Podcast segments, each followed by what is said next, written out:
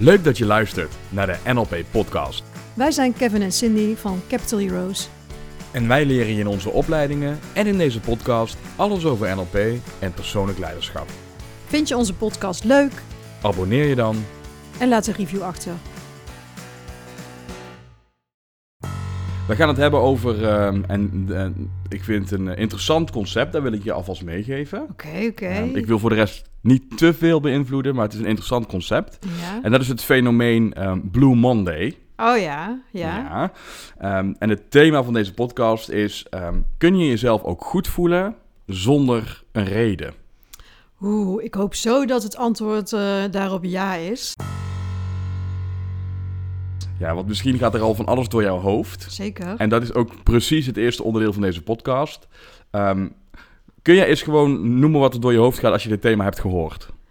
Eh, ik denk dan meteen, oh yes, Eh, dat lijkt mij kei fijn als je je zonder reden gewoon goed kan voelen. S- hoopvol mhm. ben ik dan. Ehm, ja, Blue Monday, daar heb ik toch eh, wel andere associaties mee. Die, hebben die Oh. liggen meer in, in mijn jeugd. Waarin eh, Blue Monday een eh super vet lied eh, was en is van New Order. Een band waar ik toen heel erg fan van was. Ja, ik hoor Ehm. hier de generatie Clover inslaan. ja, nou nog steeds terug te vinden op Spotify hoor. Dus helemaal bij de tijd. En het grappige daarvan is dat ja, er ook wel een beetje een muziekstroming was eh, waarbij de kopjes eh, een beetje naar beneden hingen. Oh, Eh, dus wat dat betreft past het ook wel een beetje bij de thematiek van Blue Monday, waarin ze je toch volgens mij, als ik het goed begrepen heb, willen laten geloven dat als je je nog niet kloten voelde, dat dat dan wel echt een goed moment is om Dat daar wel mee te beginnen. allerbeste, qua timing de allerbeste dag om je ontzettend Ja. kloten te voelen. Ja, Ja, precies. Ja, dat klopt. Ja, nou, dus dat, dat weet ik er een beetje van. En ik heb ook een keer ergens gelezen, maar daar weet jij dan was, waarschijnlijk meer van dan ik, dat dat allemaal ook wel bedoeld is om je te beïnvloeden richting misschien koopgedrag of zo, of marketing, maar dat weet ik niet meer precies hoe dat zat. Hmm. Ehm, ja, dat als je je dan toch al zo kut voelt, dat je misschien wel een stu- stuk beter kan voelen als je dan die dag, eh, ja, weet ik veel, iets, eh, iets gaat kopen of zo. Dus dat, als er dan iets in de aanbieding is, dat je dan, dan extra gevoelig voor bent? Of, of zit ik er dan helemaal naast? Alleen maar vragen. Ja, ik. Dus, eh, nou ja, goed, dat. En ja, dat, ik ben daar denk ik zelf niet zo heel gevoelig voor, voor dat... eh, van nu of nooit. Ja, wel, trouwens, dat is niet helemaal waar nou ik het zeg. Ik wou zeggen, want zo ken ik je toch niet Nee. helemaal. Nou, ik het zeg denk ik ook niet. maar bij jou zit daar niet bullshit. echt op, eh, op eh, producten, nee, geloof dat ik. Is het Dan meer. gaat het meer over, eh, hey, eh, doe je mee met, eh, met eh, weet ik veel, deze training of deze Ja. workshop of Ja. eh, Ja, daar heb ik wel best wel een FOMO eh, ja, reactie op. Maar FOMO, inderdaad, ja. niet, eh, nee, niet op spullen. Maar ja, het is wel... Ze willen je wel richting eh, eh, ellende hebben op die derde... Is dat derde maandag van... Derde maandag van januari, Ja, dus en- Wat er dan precies achter zit, dat weet ik niet precies. Maar ehm, ja, ik denk wel dat als je mensen maar vaak genoeg vertelt dat het allemaal zo kut is, dat, dat we ons wel collectief ook wel iets slechter gaan voelen op zo'n dag. Ja, en waar zit hem dan in? Hè? Dat je dus bedenkt, laten we dan eens die derde ehm, maandag januari, laten we die Blue Monday noemen. En laten we daar met, met z'n allen eens collectief ook een momentje van maken. Ja, Ehm, de laatste jaren is er wel eens aandacht besteed eh, eh, op het nieuws. Of bij de NOS, bij een van de reportage over het is Blue Monday vandaan. En wat betekent dat dan? En eh, een aantal jaren geleden was daar een documentaire over. Ehm, een korte documentaire, volgens mij met Nieuwsuur of zo. En dat ging over het feit ehm, dat Blue Monday uiteindelijk tot gevolg zou, zou kunnen hebben... dat het aantal zelfdodingen op die dag eh, toeneemt. Ja, en dat vind ik dan toch wel vrij schokkend. Want waarom zou je dat dan ehm, in het nieuws brengen of in een documentaire eh, brengen? Hmm. Ehm, is dat wat je hebt onderzocht? Nou, dat zou kunnen. Maar heb je dan ook onderzocht hoe het op al die andere dagen is? Of heb je alleen maar ingezoomd op het fenomeen Blue Monday? Nou, ik heb allemaal vragen daarover. ja, ik nou eigenlijk ook wel als je dat zo zegt. En vooral wat het eerste in mij opkomt is dan inderdaad van... eh, Oké, sinds we het Blue Monday noemen... eh, zien we sinds dat moment een stijging eh, in het aantal zelfdodingen. Of waren die er altijd al op een bepaald moment in het jaar hoger dan anders? En hebben we daaruit geconcludeerd dat het dan misschien wel een Blue Monday-achtige situatie is? Ja, zoals je net zegt, van, ehm, het, is misschien wel een heel goed moment uitgekozen om je dan, als je je toch wel ellendig wil voelen, om je dan ellendig te voelen. Ja, mijn credo is dan liever, ja, kies daar gewoon zelf een moment voor om je ellendig te voelen. Mm. Eh, en nog veel liever zou ik hebben dat je geen enkel moment kiest om je ellendig te voelen. Ehm, de grote grap is, ik ben er natuurlijk even ingedoken eh, Mhm. in, de, in eh, de boeken. Eh, en ook gewoon op het internet. Dat is tegenwoordig één groot boek. En daar vond ik een fenomeen wat een soort van verklaart waarom we het Blue Monday noemen. Ehm, Britse psycholoog, volgens mij heette die Cliff Arnold of Arnall. Ja, Arnall heette die. Ehm, die heeft bedacht en onderzocht een formule, een wiskundige formule, Mhm. om uit te rekenen wat nou de dag der dagen is waarop mensen zich over het algemeen heel slecht voelen. Ehm, nou, hij is een beetje ingewikkeld als ik hem eh, helemaal uitspreek, ehm, maar de variabelen daarin die zijn wat te begrijpen, denk ik. Ehm, onder andere het weer en de mate van schulden min dat salaris wat je ontvangt. En dat dan gedeeld, geloof ik, door het motivatieniveau wat je hebt. Ja, het wordt steeds ingewikkelder. Ja. Ehm, plus het gevoel om actie te willen ondernemen. En dan ook nog keer de tijd die is verstreken sinds kerst. En of je goede voornemens heeft volgehouden. Dat bepaalt hoe klote je je voelt. Nou, ik, ik, ja, ik, door zo'n formule voel ik me al een stuk slechter, moet ik zeggen. Bring back memories. Vrij, ik vind dit vrij eh, confronterend. eh. ja, ja, nou, als ik me niet kut zou voelen, zou ik me in ieder geval op zijn minst nu toch wel een soort van dom voelen. Dat ik deze formule niet helemaal, kan, niet helemaal kan volgen. Maar ja, het is dus een, samen, eh, een samenspel tussen inderdaad, hè, kerst is voorbij. Ja. Het duurt super lang voordat het weer kerst is. Het is Precies. donker buiten, Ja. het is eh, weinig zonlicht. Je geld is op, want heb je met eh, de feestdagen er helemaal doorheen gejast. je hebt je creditcard volledig gebruikt, dus Ja. je hebt schulden. En Al die hebt, goede voornemens, die zijn ook al lang mislukt. je hebt geen motivatie meer en ook niet meer het gevoel om actie te willen ondernemen. Nee, en, en het duurt nog super lang voordat het zomer wordt of zo, zoiets. En dus allemaal heel accuraat komt er dan uit op, eh, in dit geval, in dit jaar, op 16 januari. Oh, ehm, waar we ons met z'n allen Ik noteer eh, het eh, in mijn agenda. Ja, dat weet je vast. Dat is het moment om de balans op te maken. Ja. En ik las die formule en ik las ehm, dat wat eh, ehm, die psycholoog daarmee bedoelde te bereiken. En toen dacht ik eigenlijk maar één ding. Een, een meer open vraag kan je wat mij betreft niet hebben. Waarom? Eh, waarom wil hij dat uitrekenen? Of, Wat eh, is, ja, wat is het nut en wat is de noodzaak om deze formule ehm, ja, te hebben? Eh, en eigenlijk te zeggen, nou, op die derde maandag in januari, het is Blue Monday, ehm, dit is wat het is. Want wat doet dat namelijk met ons eh, als mens, als je daar gevoelig voor bent? Het zegt namelijk, hey, op deze dag is de verwachting dat je je ellendig zou kunnen gaan ervaren. Want een autoriteit, namelijk een psycholoog, die heeft een formule bedacht. Nou, je zei het net zelf al in ja, eh, begrijpen. Ja, eh, ik heb hem hier voor me, voor me liggen uitgeschreven. Ik zie hem. Maar of ik hem echt begrijp, dat weet ik niet. hmm. Ehm er wordt een soort van kader gezet. En er wordt een soort van moment gepreekt van... hey, dit is echt het moment om je ellendig te voelen.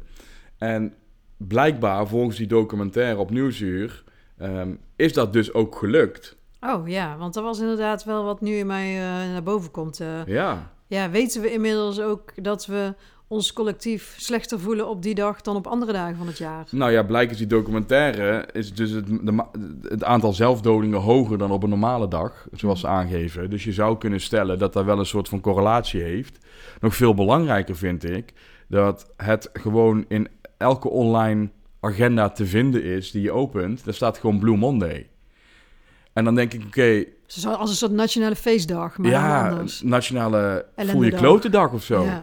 Eh, Waarvan ik dan denk van ja, maar ik snap misschien nog wel dat je onderzoek wil doen naar dat mensen zich soms navoelen of zo. Maar moeten we daar dan richten op een dag? Moeten we daar een formule aan hangen? Moet een psycholoog roepen, dit is echt wat het is? Want wat doet dat namelijk met ons brein? Eh daar zit zoiets in ons hoofd, dat is de confirmation bias. Wij willen namelijk dat het klopt in ons hoofd. Wij willen dat dingen kloppen zoals wij verwachten en hopen dat ze kloppen. Ja. Dus het kan zo heel makkelijk zijn dat wij daar gewoon naartoe gaan leven. En dat we dus gewoon, misschien ons helemaal niet ellendig hebben gevoeld, maar dachten: hé, hey, ellendig voelen. Daar, dacht ik helemaal niet aan. Maar nu, oh, hoe is het eigenlijk met mijn niveau van ellende? En dat je vervolgens als een soort ehm, ja, kleine liegebeest in je hoofd allerlei redenen gaat bedenken waarom het wel zo is of niet zo is. Ja, zeker als je met zo'n formule, als je dan eh, mensen dat dan ook uit gaat leggen, hoe dat dan werkt, dan, dan ga je ook de focus en de aandacht sturen van iemand. Hè? Oh ja, inderdaad, het is inderdaad heel weinig daglicht. Oh, het is inderdaad nog lang voordat het zomer wordt. Oh, mijn, mijn portemonnee is inderdaad best wel leeg. Ja, dan kan ik me ook voorstellen dat je bijna een soort recept geeft voor mensen om zich kloterig te voelen. Ja, want als, je, als je dit uitzoomt en je kijkt naar wat wij binnen NLP, hè, uh, neurolinguistisch programmeren, wat wij noemen strategieën, Mhm. is dit precies een recept of een manier of dus een strategie om jezelf heel slecht te voelen. Ja, Eh, en dan gaat het hier nog niet eens zozeer om de inhoud. Hè? Dus ze zeggen hier niet eens, ja, het moet regenen of je moet min 100 euro op je bankrekening staan. Eh, maar het, het, het geeft wel een aantal variabelen om jezelf heel slecht te voelen. ja. Ehm, en dat is dus inderdaad bijna een strategie om je heel slecht te voelen. En eigenlijk zegt meneer Cliff, eh, de, de psycholoog, die zegt dus eigenlijk, als je het mij vraagt... hey, hier heb je een recept om je slecht te voelen. Volg dit en laat mij maandag 16 januari even weten of het gelukt is. ja. Ja, dat vind ik een bijzonder slecht idee. Ja, lijkt mij ook een slecht plan. Maar stel dat je dit dan hè, weet, is dat dan voldoende om je daar tegen te wapenen? Of eh, is er meer nodig dan alleen maar weten dat dit een of andere formule is waar eh, hè, iemand over nagedacht heeft? Dat zorgt er nog niet meteen voor dat ik me minder slecht voel op die dag. Of dat ik me goed voel. Nee, Want het is ook een beetje een hypnose waar we in, dan in zijn gaan geloven of zo op een gegeven moment. Dus hoe, Ja. hoe kunnen we ons dan daar tegen wapenen? Nee, wat mij betreft is daar, is daar op, om op jouw twee opties in te gaan, allebei. Eén is, ehm, wij zijn vaak heel erg geneigd om dit soort mooie verhalen te geloven, omdat er een autoriteit is die dat zegt, namelijk een psycholoog. Het is een eeuwenoud onderzoek, of eeuwenoud is tientallen jaren oud geloof ik, is een onderzoek. Er is een formule, dat is gepresenteerd in een of ander eh, chic blad. Ehm, er is een Wikipedia-pagina over Blue Monday. Dus het zijn allemaal factoren die maken dat we, zoals jij zo mooi zegt, die hypnose makkelijk gaan geloven dat het zo is. Mhm. Dus een van de dingen die ik denk die heel belangrijk zijn ehm, in dit hele concept, maar misschien nog wel veel breder dan dit concept, is onderzoek de kwaliteit van je informatie. Wij trekken heel snel conclusies en wij zijn heel snel geneigd om ehm, informatie die tot ons komt te generaliseren tot iets wat we al denken te kennen. En daar vervolgens ehm, conclusies aan te verbinden. Terwijl wij zijn over het algemeen als mens niet heel de dag bezig met het uitzoeken van de verschillen en de bronnen en waar komt die informatie nou vandaan. Dan zou ik geen leven hebben. Hè? De, Nee. maar met dit soort dingen, ik denk dat dat rete belangrijk is om te onderzoeken wat is nou de kwaliteit van je informatie. En daarbij komt nog een verplichting. Wat is nou het nut en wat is nou het belang van degene die dit communiceert? Ehm, omdat je dan zo kunt zien ehm, wat de bedoeling is geweest van dit eh, communicatieconcept. Dus ik denk één, dat is primair de samenvatting. ehm, je moet de kwaliteit van informatie onderzoeken. Twee, dan heb je dat gedaan. Voel je dan meteen beter? Eh, ja, nee, waarschijnlijk voel je je net even iets slechter, omdat je dan denkt: hey shit, Hm. eh, die kwaliteit van informatie die was zo beneden peil. Ik voel me even slecht, ik voel me genept, ik voel me beïnvloed. Dan komt twee. En twee is eh, waar ons vakgebied om de hoek komt kijken. Ehm, en dat gaat over het veranderen van de verhaaltjes in je hoofd. Ja. En wij slaan hem in onze opleiding zo plat dat we hem op begripsniveau kunnen delen. En dan zeggen we dingen als: wanneer jij in staat bent om de verhaaltjes in je hoofd te veranderen, kun je dus uiteindelijk je gedachten veranderen en je gevoel veranderen, waardoor je in staat bent om andere dingen daadwerkelijk te doen, dus actie te ondernemen en uiteindelijk dus andere resultaten te behalen. Ja. Dus Het- Ja, dat- ja oké, ja. Die, dat klinkt goed, want ik heb hem ook al vaker gehoord en ik ben het er ook helemaal mee eens. Maar stel dat je dit nou voor de eerste keer hoort, hè, ehm, dan, dan ga je er wel eigenlijk al van uit dat iemand doorheeft dat er überhaupt zoiets is als een verhaaltje in je hoofd hebben. ja.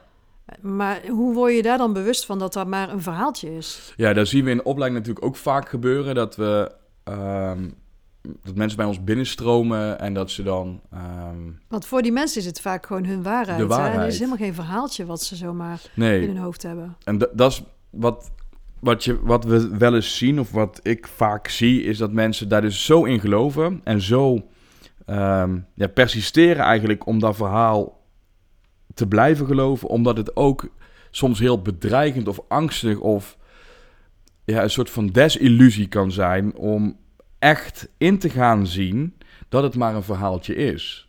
Want zoals wij met elkaar leven, ehm, doen wij dingen in ons hoofd en we zijn opgevoed en we hebben ideeën en we hebben manieren van doen. En dingen die we belangrijk vinden, niet belangrijk vinden. Ehm, we zijn ergens heel goed in, soms hebben we problemen. En dat is voor ons de realiteit, dat is voor ons de werkelijkheid, dat is voor ons het leven.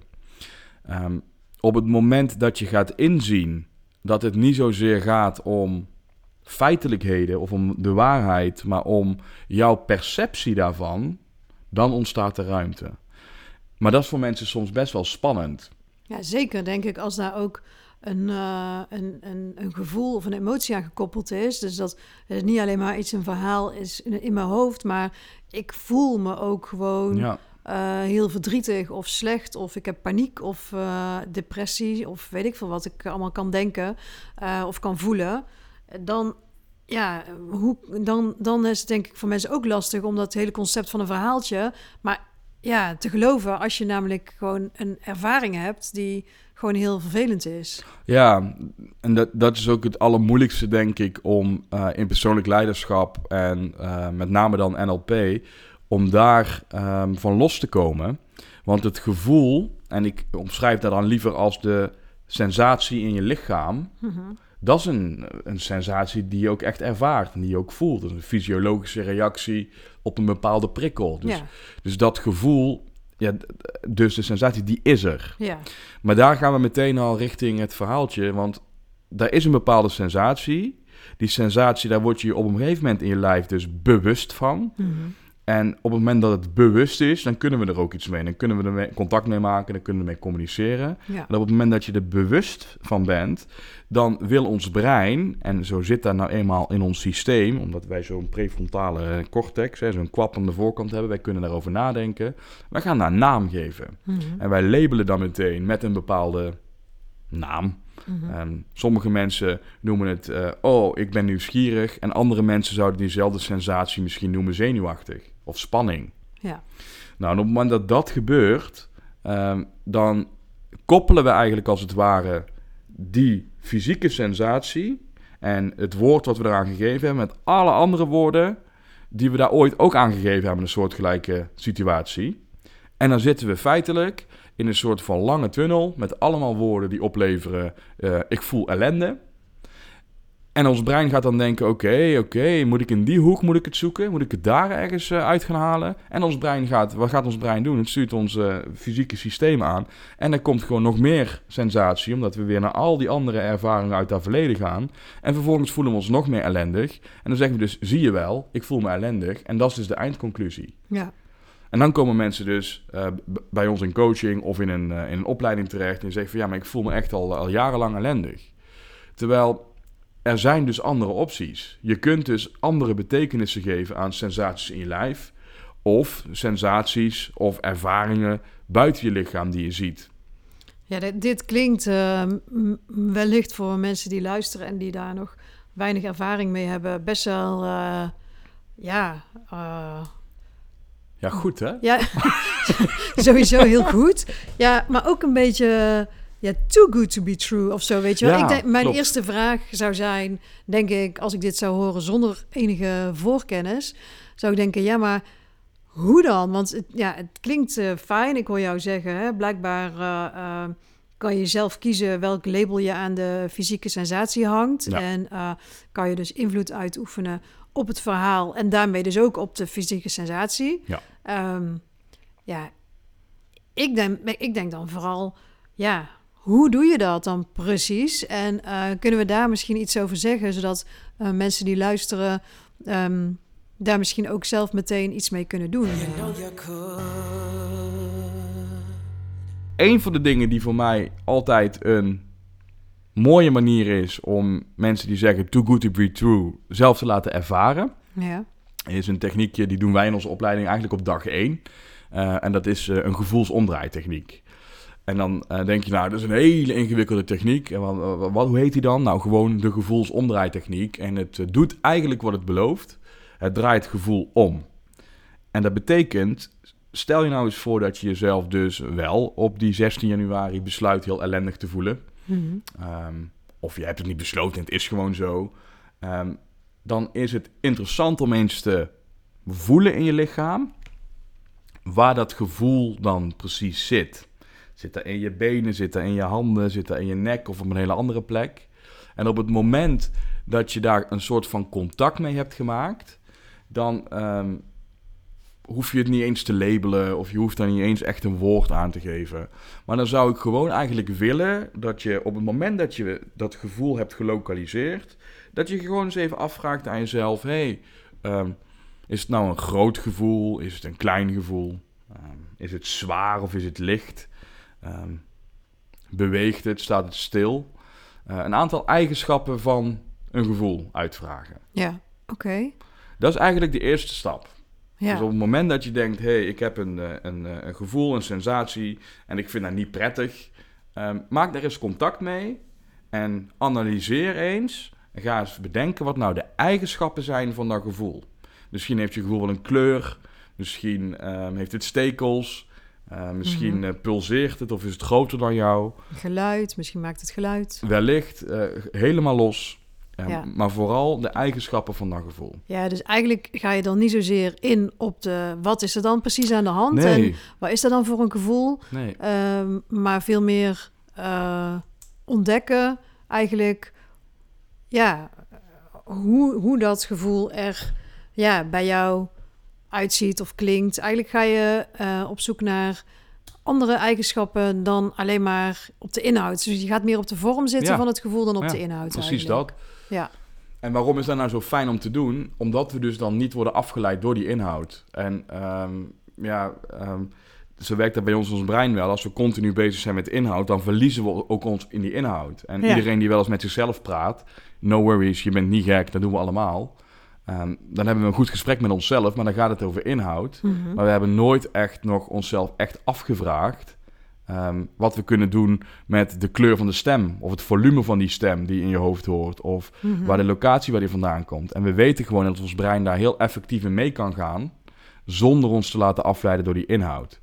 Maar zou het dan ook, want dat is dan een vraag die wel nu bij mij opkomt, dat als je hè, dit voor de eerste keer doet misschien, of misschien heb je het al vaker gedaan, dat alleen al door eh, een beetje los te komen van de inhoud van het gevoel en veel meer naar de vorm te gaan, dat dat op zich alleen al een, eh, een verandering eh, teweeg brengt in de int- intensiteit van het gevoel.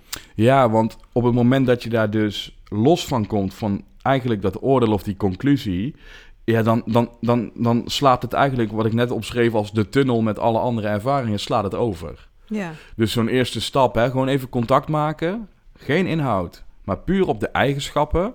En voor de goed verstaande die eh, al wat ervaring heeft met NLP, dan hebben we het over submodaliteiten. Misschien gaan we daar nog in een andere podcast wat dieper op in. We maken contact met de eigenschappen van dat gevoel. En op het moment dat we dat gedaan hebben, en dat is eigenlijk de tweede stap van wat ik voorstel, is leg je een hand even op je schoot of je doet dat niet en je bedenkt in jezelf, je visualiseert het volgende, dat het gevoel waar je net hebt, de eigenschappen van hebt ontleed, dat je dat uit je lichaam visualiseert. Op een hand, op een tafel, op een blaadje, wat dan ook. oké. En dat je ernaar kan kijken. Ja, En dat gaat ervoor zorgen dat je in elk geval ehm, even los kan komen van dat gevoel en er Mhm. even naar kan kijken. ja, want het zit niet meer in je. Het zit niet meer in je. Je kan, ja, oké. Dus je kan er dan misschien naar kijken. En op het moment dat je ernaar kunt gaan kijken, en nou wordt het echt leuk, Oh. Dan kan je het ook veranderen. Nou, Dus als je dan een donker, zwaar gevoel hebt, wat heel langzaam eh, als een soort van eh, ehm, een wolk aan het bewegen is, nou, maak het dan eens geel, draai het eens de andere kant op en maak het eens heel eh, licht en voeg er eens wat leuke muziek aan toe. mhm. Eh, dat verandert de eigenschappen van dat gevoel, buiten je. buiten je. Ja, En dan de laatste stap, ehm, dat is wat mij betreft de allerleukste stap. Stop het terug in je lijf. Hoe je het ook doet, stop het terug. in die nieuwe vorm. Met In die, die nieuwe, vorm. Ja, met die nieuwe eigenschappen. Geel, lichter, Ja, ehm, op een andere Muziek. manier bewegen. Alles draai je letterlijk om. ja. Je stopt het terug in je lijf en je neemt dat gevoel helemaal in je op, in je hele, hele lichaam en in je hele lijf. Maar hoe kan dat dan, dat dat zo werkt? Hoe, wat kunnen we daar vanuit NLP eh, over zeggen? Daar kunnen we ehm, heel veel over zeggen. Ehm, misschien, of, wel, of iets korts. misschien, wel, ook. misschien wel te veel eigenlijk. Ja, maar misschien nu een- dat mensen zeggen van ja, maar eh, ja, ja, ons advies is sowieso eerst, eh, eerst doen, dan... eh, Ja, ga het eerst maar eens doen, want dat is wel belangrijk. Maar dan snap ik wel de behoefte, want dan heb je dat dadelijk ervaren en dan voel je je denk ik supergoed. En dan komt die vraag in je op en dan denk je, ja maar, hé, hey, hoe dan? Ja, Ja, goede vraag. Ehm, net hebben we al een beetje geïntroduceerd. Ehm, dit is wat NLP noemt het werken met submodaliteiten. En ja, wij nemen eigenlijk de wereld waar met onze vijf zintuigen. Ehm, we zien dingen, we horen dingen, we voelen dingen met onze, eh, onze huid, hè, onze tactiele ervaring. We ruiken en proeven dingen. En die komen zo flop bij ons in de bovenkamer binnen. Mhm. Dan zijn we ons daar nog niet echt bewust van. Want we hebben een mooi systeem in ons brein. En binnen NLP noemen wij dat de waarnemingsfilters. Die ervoor zorgt dat wij kunnen functioneren in de wereld om ons heen. ja, Wij doen eigenlijk drie dingen in ons brein voordat we echt tot de verwerking van die prikkels komen. Eh, we laten dingen weg. Alles wat overbodig is op dat moment laten we weg. We generaliseren dingen. Dus dat wat we al kennen, koppelen we aan onze nieuwe waarneming. En we vervormen dingen. En dat is de leukste. We passen onze waarneming dus een beetje aan. Aan de waarneming die we van buiten hebben gedaan. Eh, zodat het blijft kloppen in ons hoofd. Nou, daar had ik het al over in de confirmation bias. Ja. En uiteindelijk, dat is dan pas de stap die daarna komt, eh, creëren wij een, eh, een plaatje in ons hoofd, of een geluid in ons hoofd. En dat noemen wij binnen NLP de interne representatie. ja. En op basis ja. van dat plaatje in ons hoofd acteren wij op die wereld. Nou, daar hebben we een plaatje, maar dat plaatje heeft ook nog eigenschappen. En NLP noemt dat dus het werken met submodaliteiten, omdat het dus niet alleen gaat over de inhoud van die waarneming, maar dus ook over de vorm. Ehm, en dat betekent dus, dan heb je zo'n plaatje in je hoofd, hè, zo'n interne referentiekader, of zoals ze zeggen binnen NLP, een interne representatie. Ehm, ook die heeft eigenschappen. Mhm. En wat wij juist bij NLP hadden ontdekt, is dat het spelen met die eigenschappen, dus die submodaliteiten, zoveel meer effect heeft dan het ehm, aanpassen van de inhoud van die waarneming. Ja, Je kunt natuurlijk heel erg ontkennen dat het buiten regent in je hoofd. Daar kun je heel erg je best voor doen. Want oh, het regent buiten, het regent buiten, het regent buiten. Ehm, maar je kunt het gevoel wat dat opwekt, zoals we net hebben gedaan, kun je ook gewoon prima qua vorm veranderen. ja, Dus het is veel eenvoudiger om ehm, de vorm te veranderen dan met die inhoud maar te, te, te gaan vechten continu. ja, En dat is ehm, echt op hoofdlijnen heel in het kort waarom dit zo krachtig werkt. Dus dit werkt niet zo krachtig omdat we dan moeten, onszelf moeten gaan overtuigen en nieuwe dingen moeten gaan leren. Nee, het is gewoon een simpele, eenvoudige manier om van de vorm van een gevoel een andere vorm te maken. En dit vervolgens weer terug te stoppen in je lijf en te ervaren hoe anders dat dan is. ja. En we zien ook in de opleiding dat het altijd wel verrassend is, hè? Hoe, het, dan hoe simpel het werkt. En dat Ja. mensen dan ook zelf eh, staan te kijken. Van, hè? Wow, ja, ja, superleuk. Maar eh, ja, hoe werkt het dan? Het maakt eigenlijk niet uit dan hoe het werkt. Het werkt in ieder geval. Dat mensen zo makkelijk kunnen ervaren dat ze dus zelf invloed kunnen uitoefenen op, eh, ja, op je gevoel. Kijk, en eh, dat wil niet zeggen dat, we, dat je alle negatieve gevoelens vanaf nu moet gaan eh, lopen omdraaien. Eh, maar als jij eh, gehypnotiseerd bent om op 16 januari te denken dat je je kut moet voelen, dan kan je misschien ook een keer even achter je oren krabben en denken: klopt dat eigenlijk wel? Is, heb ik eigenlijk wel een reden? Of zou ik me ook gewoon vandaag gewoon normaal kunnen voelen of oké kunnen voelen? Zonder meteen helemaal ja. extatisch te hoeven zijn. Dat hoeft ook niet. Hè? Het, het is, dit is ook volgens mij gewoon een prima ehm, techniek om ook negatieve gevoelens gewoon vooral te neutraliseren. En dat er niet per se altijd eh, happy, happy, joy, joy tegenover moet staan. Maar gewoon, eh, ja, gewoon een neutraal gevoel. Ja, het is een utopie om te denken dat je, eh, wanneer je NLP hebt gedaan of wanneer je echt aan persoonlijk leiderschap doet, dat je altijd elke dag maar juichend je bed uitspringt en Nee. alles positief bekijkt. Want ja, dit is ook gewoon niet realistisch. Nee. En ik denk dat dat ook gewoon helemaal niet de functie van ons brein is.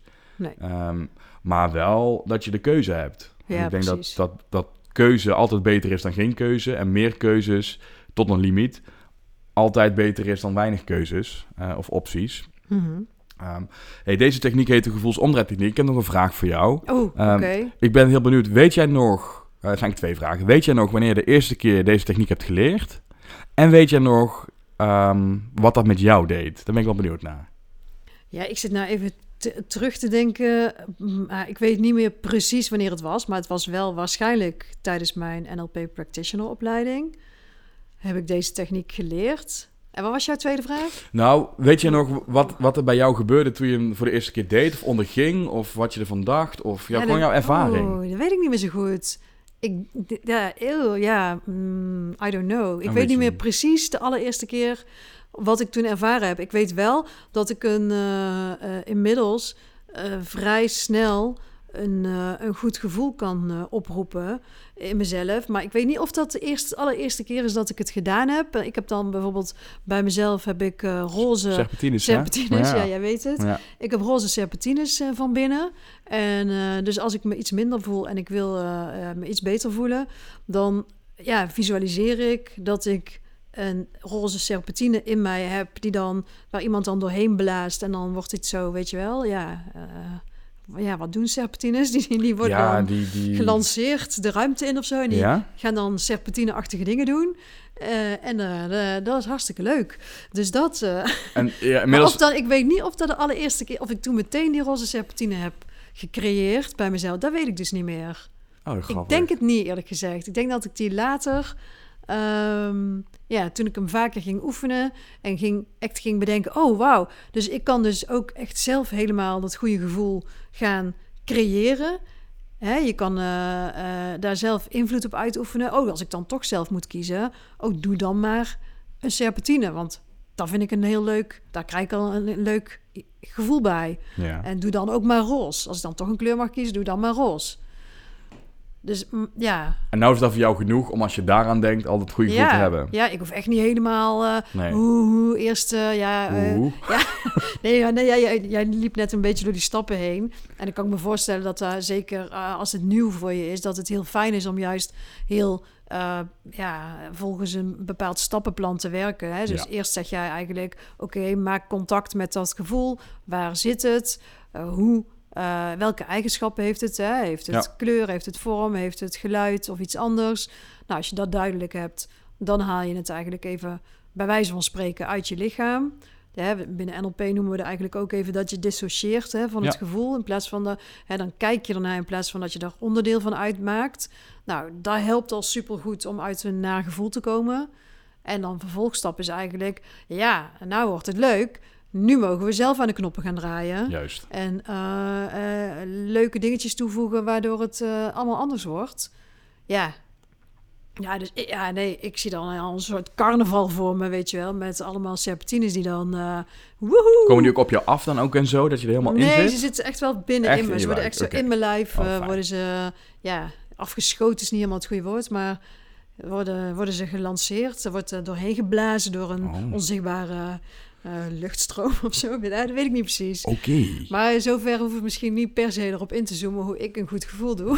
Nou ja, het is wel een goed idee om daar eens mee te beginnen. Misschien als je denkt van nou, al die stappen die ik dan moet zetten. Nou, je moet van ons niks. Dat is een beetje veel. Ehm, maar denk aan roze serpentines. Bij mij is het een, dat is ook een beetje eh, weird als je het zo uitlegt met woorden. Ja. Dat is exact weer mijn punt. Hè. Met woorden dan gaan we het toch allemaal proberen te concluderen en zo. Maar ik heb een gele vaas in mijn, in mijn lijf. I know. En ja, daar hoef, ik, daar hoef ik eigenlijk maar aan te denken of het, eh, of het gebeurt bij Hij maakt ook altijd zo'n beweging bij. Dat kunnen Oh, mensen ja. helaas niet Nee, zien. het is geen maar video. het is een ge- gele vaasbeweging heeft eh, Kev. En eh, dat is altijd van boven naar beneden. Ja. Waar hij precies eigenlijk aanwijst waar de gele vaas zich bevindt. Ja. En jij krijgt daar een, een goed gevoel van. Ja, een kleine disclaimer. Het is dus geen tip om nu dadelijk een vaas in te slikken. Het is echt een soort van bedacht gedachte-experiment eh, met submodaliteiten. Eh dus voor de verzekering is dat handig dat ik dat moet zeggen. Ja, oké. Heel goed, heel goed.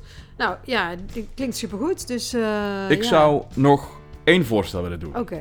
Om Blue Monday... ehm, je mag hem prima Blue Monday eh, houden. Maar ik zou er liever Good Monday van maken. eh. Vanaf nu. En aangezien wij ook met z'n tweeën gestudeerd hebben. ehm, en ehm, dacht ik van nou misschien is het handig dat ik dan een nieuwe formule... eh, een soort van bedenk als Mhm. tegenhanger eh, voor onze vriend Cliff. Ja, Eh, dat is namelijk alle doelen die je ooit bereikt hebt. ja, Plus de mate van zelfliefde. ja, Delen door alle fijne ervaringen die je ooit gehad hebt. ja. In het kwadraat is het nieuwe recept om je ontzettend goed te gaan voelen op 16 januari op Good Monday. Ja, of op welk willekeurig elke andere dag. En als dat nou onverhoopt, omdat het maar een formule is, niet blijkt te werken, Dan? eh, doe dan gewoon onze stappen van de gevoelsomdraaitechniek. Ja. Dan heb je namelijk alles in huis om je op elk moment altijd eh, eh, goed te voelen. Nou, sounds like a plan to me.